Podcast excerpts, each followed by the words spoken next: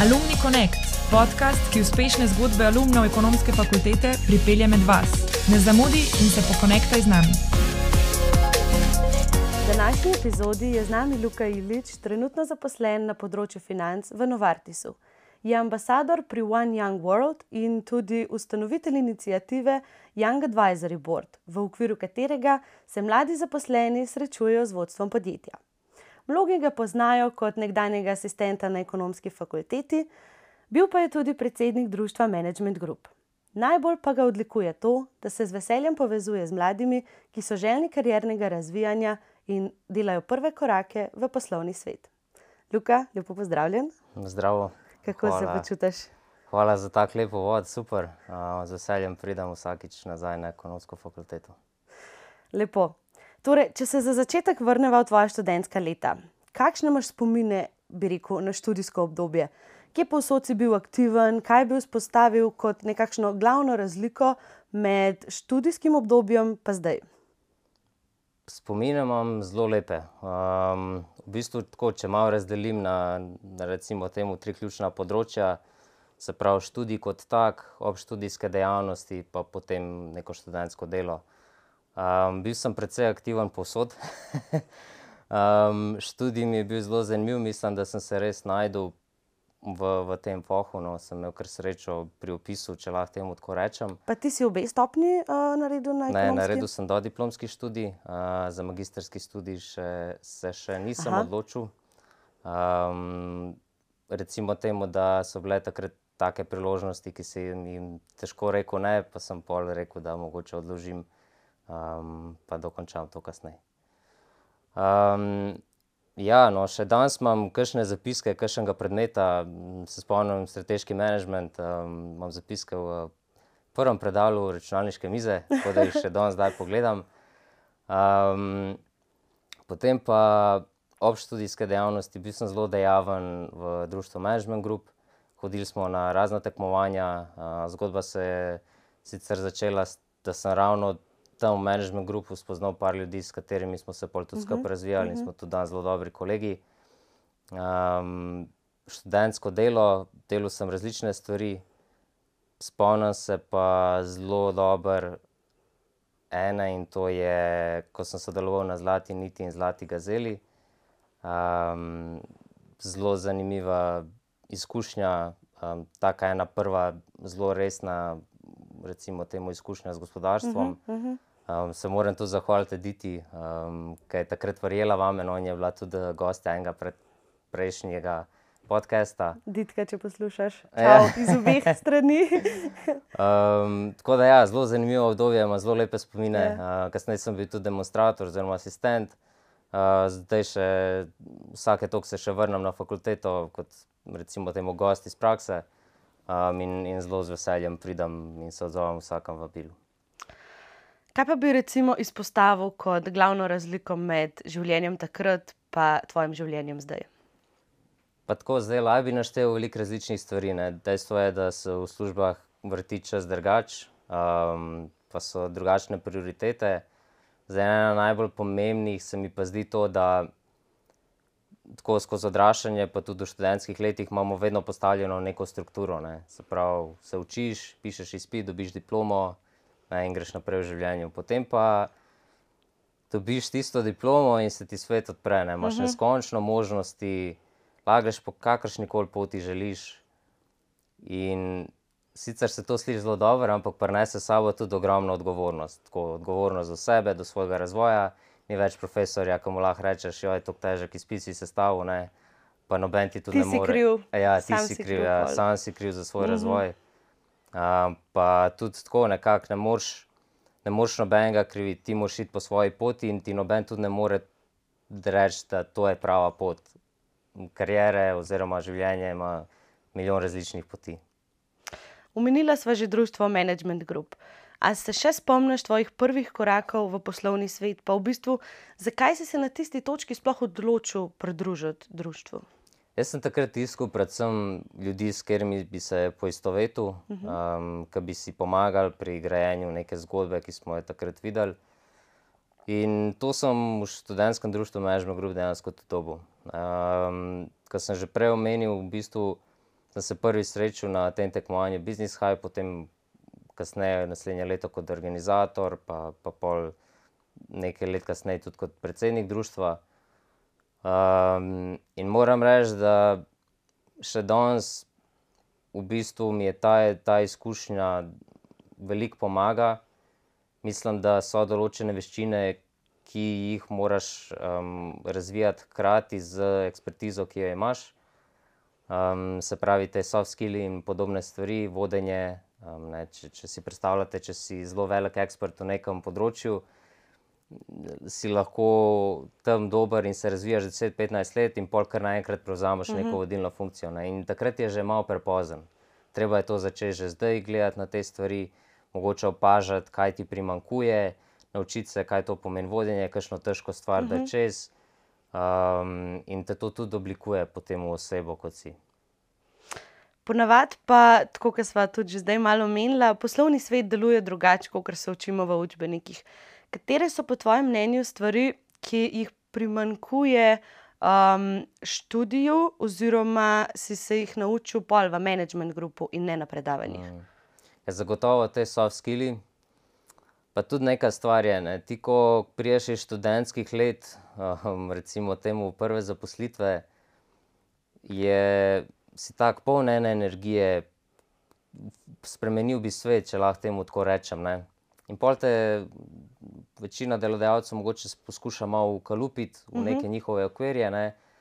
In tam je pomembno, da, da ti ugotoviš, kaj je za delodajalca pomembno, kakšno dodano vrednost lahko ti prineseš. In da se vklopiš v, v njihov kolektiv, ne samo iz ekspertnega vidika, ampak tudi iz teh soft skillov in tako naprej. In, in dejstvo je, da pred temi vsemi izkušnjami, še kot študent, ne, s pol časom ugotoviš, da veliko temelji na ljudeh, um, na odnosih.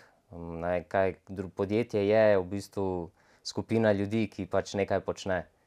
In um, to je nekaj, kar se mi zdi, da, da sem takrat pridobil. Je pa res, da potem v prvih letih kariere se delajo tudi kakšne napake in, in to si morate dovoliti, da se pač učite in razvijate. Predvsem pa te soft skills, še enkrat ponavljam. Um, druga ključna stvar se mi zdi to, da, da, da znaš vzpostaviti odnose s podjetjem, uh mhm, -huh. se pravi, mhm. z nič zgraditi nek odnos. Um, in pa tretja stvar, predvsem to, da da ugotoviš, da v vsem tem procesu se moraš imeti fajn. In, in vsi, ki so za, za nekim sestankom, za neko mizo, ne, je, je fajn, da, da najdeš neke skupne točke, s katerimi se povežeš in pač gradiš tudi zgodbo poslovnega vidika na tak način. Kaj pa recimo tisti moment, ki si na razgovoru ali pa ki dobiš zavrnitveni mail. Žal vas ne bomo vzeli, ker imate premalo izkušenj. Kaj pa na tisti točki, una prva stvar, kva bi rekel, da si jo ti naredil, da bi jo danes mogoče ja. naredil, ja. z malo več izkušnjami. Ma, zdi se mi, da take stvari se dogajajo. Uh, veliko uspešnih ljudi o tem ne govori. Uh -huh. um, dejstvo pa je, da za vsakim full dobrim LinkedIn profilom, full dobrim CV-om je milijon nekih. Uh, recimo, temu malih porazov, uh -huh. um, ki te oblikujejo in s katerimi se pa razvijaš. Ne? In tle zdaj reči, da, da teh porazov ne bo, je skoraj ne mogoče, bojo in zagotovo bojo prišli. Um, je pa pomembno, da se z vsake take zgodbe kaj naučiš, um, da mogoče imaš svojo vizijo in pač slediš njej, tudi če v tistem danem trenutku te mogoče kdo ne podpre. Bojo pa prišli verjetno ljudje ali pa kakšne priložnosti, katere pa nisi pričakoval. Zdaj smo omenili, kako se soočiti s tem, če recimo delodajalcu nisi zanimiv, če nimaš zadosti izkušenj. Kako pa se ti zdi recimo, pomembno sploh to, da študentje iščejo delo, da že imajo delo med samim študijem? Ali zagovarjaš bolj, da je reč počitniško delo, ali pa tudi delo med študijskim letom? Jaz mislim, da zagovarjam delo v smislu, da če ga lahko upraviš, da to ne ovira tvoj študijski proces, potem je zagotovo dobrodošlo za nabiranje izkušenj. Um, ključno se mi zdi to, da, da poskušate najti neka delovna mesta, ki so pač v pomoč vaši karieri in zgodbi, ki jo gradite. Um, tle pa tudi pride ta vidik, da dejstvo je, da študentska delovna mesta danes niso več to, kar so bila včasih. Nosijo morda malo večje odgovornosti, uh -huh. so to zelo raznolika in uh -huh. niso več samo prelaganje papirja, če lahko temu tako rečem. In take priložnosti je treba izkoristiti. Um, po drugi strani pa mi je pa zelo všeč, no, da pri nekaterih predmetih se praksa povezuje z ekonomijo oziroma z gospodarstvom. In to bi pa res pozdravil, no, da, da poskušate študente čim več sodelovati pri predmetih, kjer um, svetujete podjetju dejansko na nekem specifičnem problemu in vas potem profesori nekako vodijo skozi ta proces. Da če se poskušate res poistovetiti oziroma postaviti vlogo konzultanta, je lahko to res ena dobra izkušnja, mogoče celo boljša od kakšnega študentskega dela. Veliko krat pa tudi slišimo in izpostavljamo, da je študijska izmenjava tista, je priložnost. Kaj pa ti misliš o tem? Mislim, da ni da priložnost. da priložnosti mislim, da ni nobene. Okay. Se pravi, da, da profil morate graditi tako, da, da pač široko oziroma usmerjeno v neko pot, in vi, vi morate povedati to zgodbo tako, da, da ima smisel, ne? da veste, zakaj ste se za to odločili. Tako da, iz, če je izmenjava edini faktor, na katerega ciljate, je to skoraj da, da malo um, nerealno. Če pa počnete še par drugih stvari, pa ste najdeli en faks, ki vam je zelo zanimiv v tujini, pa ima zelo dobro vsebino na nekem področju, pa, pa se tam lahko v bistvu fulno naučite, super pejte. Če, če si želite neke nove življenjske izkušnje, da se preizkusite v tem, kako je sam živeti, kako je mogoče iti stran od staršev ali pa v neko čisto novo okolje, tudi super. Ne? Sam morate vedeti, zakaj greste v to. Jaz, na primer, nisem bil na izmenjavi lahko rečem, da sem imel tle veliko drugih stvari, ki sem uh -huh. jih mhm. takrat počel, pa, pa mi ni žal, da nisem šel. Imam pa tudi veliko prijateljev, ki so šli, pa jim tudi ni žal, da so šli. Tako da ni enoznačnega odgovora. Pa misliš, da te po faksu pol tujina, če nisi šel na izmenjavo, um, ne zanima ali tako nasplošno? Mogoče ne, iz tvojega vidika, da, ampak. Mislim, da ne. Ni zamujena tujina, tudi če si jo nisi. Svet je danes tako majhen, uh -huh. da hvala Bogu, smo konkurenčni, na, ne samo na slovenskem trgu, ampak tudi širše. Tako da ne vidim tle nobenih težav, da bi bila tujina zanimiva ali ne. Gre se bolj za odločitev, da je priložnost, da se ti odločiš. Mogoče kakšni življenjski faktori, ki so takrat, tako da veliko različnih stvari, ki vplivajo na to odločitev. Glej, to sem te v bistvu hotel vprašati. Če misliš, da so kompetence, ki jih dobimo, recimo študenti pri nas v Sloveniji ali pa v tujini, primerljive, v smislu, da smo sto let za leseno žlico ali ne? Mislim, da nismo.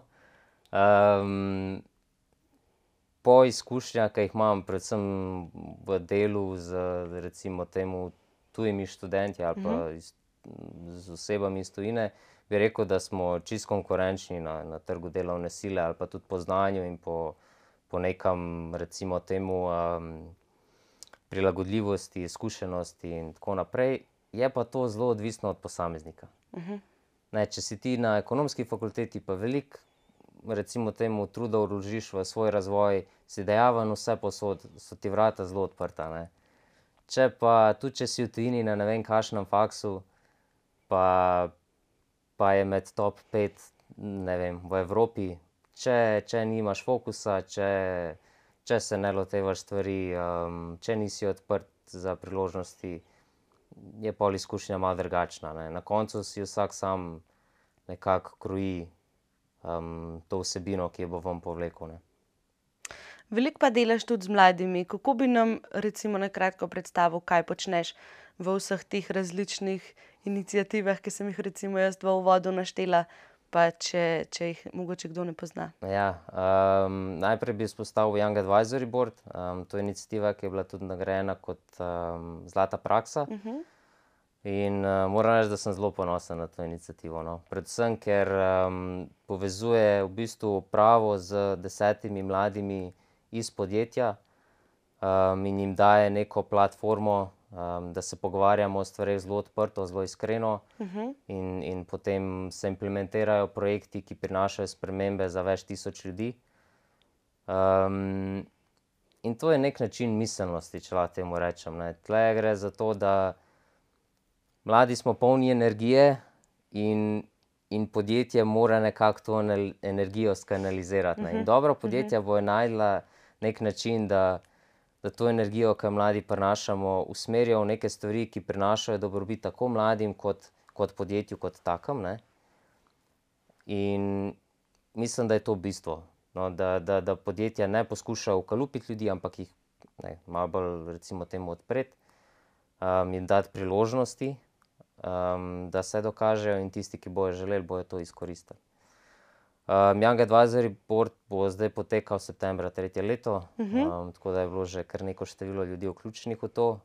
Implementiranje v Novartisu, v podjetju, kjer sem zaposlen. Um, je bilo pa tudi nekaj zanimanja strani nekih drugih podjetij v Sloveniji, da bi mogoče kaj takega podobnega implementirali, kar me v bistvu zelo veseli. No. Pa kar je v bistvu tudi namen. Točno to, od dobre prakse je treba deliti. Tako, ja. tako. Um, druge stvari pa, ja, no, vsake toliko prijem še na faks, um, kaj povedati. Teda, to mi je zelo veselje. Um, mentoriram tudi par ljudi, pač poskušam jim svetovati glede kariernega razvoja. Um, pomagam pri kršni start-up ideji vsake tok. Um, uh mhm. -huh. Tako da je ja, zelo veliko različnih stvari.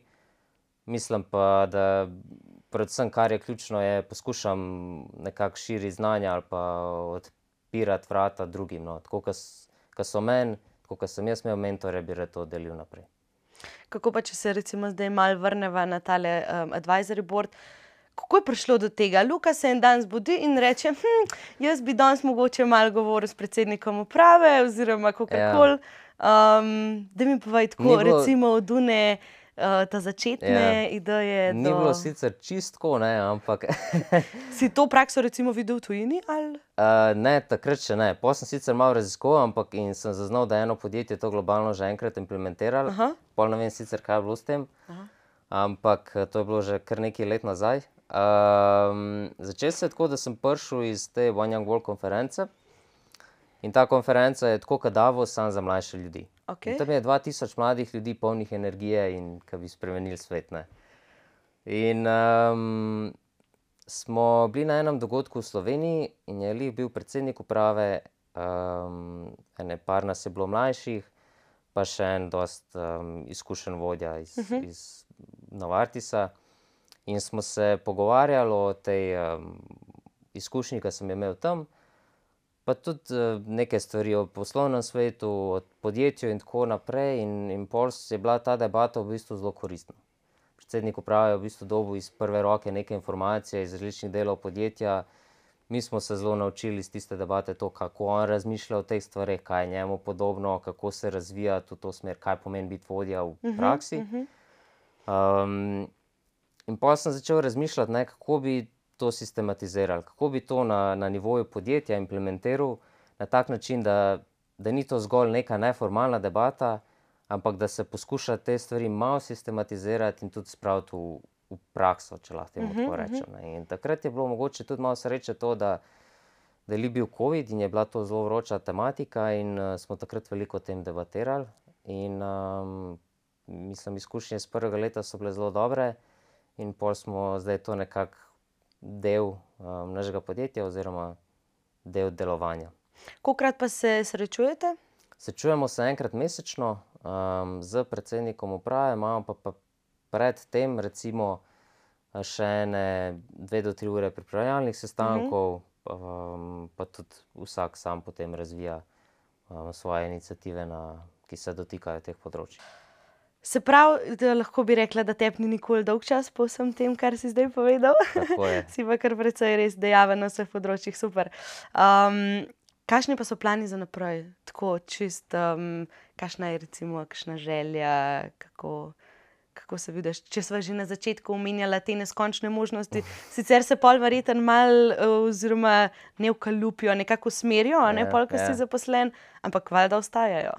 Jaz mislim, da je ključno to, da ne govorimo samo o ciljih, ampak kako te cilje spraviš v rutino. Se pravi, ti imaš lahko najkašne cilje v življenju, ampak če na dnevni bazi na njih ne delaš, uh -huh. jih boš težko uresničil. In mislim, da tle, tle, večkrat se govori o nekih ciljih, bolj je moje vprašanje rutine, pa, pa dejavnosti, ki jih pač počneš ne, vsak dan. Moji cilji so, tako bom rekel, dost, um, hkrati specifični, pa dost odprti. Tako da naučil sem se skozi leta, da je treba biti odprt, da kakšne priložnosti pridejo, ko jih najmanj pričakuješ, uh -huh. in da brez veze se preveč omejevati. Želim pa nadaljevati v okviru teh stvari, ki jih še zdaj počnem, finance, dela z mladimi, razvijanje teh leadership inicijativ. Um, tako da mislim, da to me veseli in v tem to doživam. Kaj pa za konec, ena klasika, kakšen nasvet za študente? Če bi ti dala zdaj telefon, bi rekla, evo, lahko pokličeš. Luka izpred petih let. Kaj bi mu rekel? rekel bi mu, da verjamem v svojo zgodbo in stvari se bodo že uresničile. Luka, hvala, ker si bil danes z mano, z nami, ker si bil naš gost. Upam, da še kdaj priješ na ekonomsko. Meni je bilo super s tabo. Hvala tudi tebi za vabilo in bilo mi je super.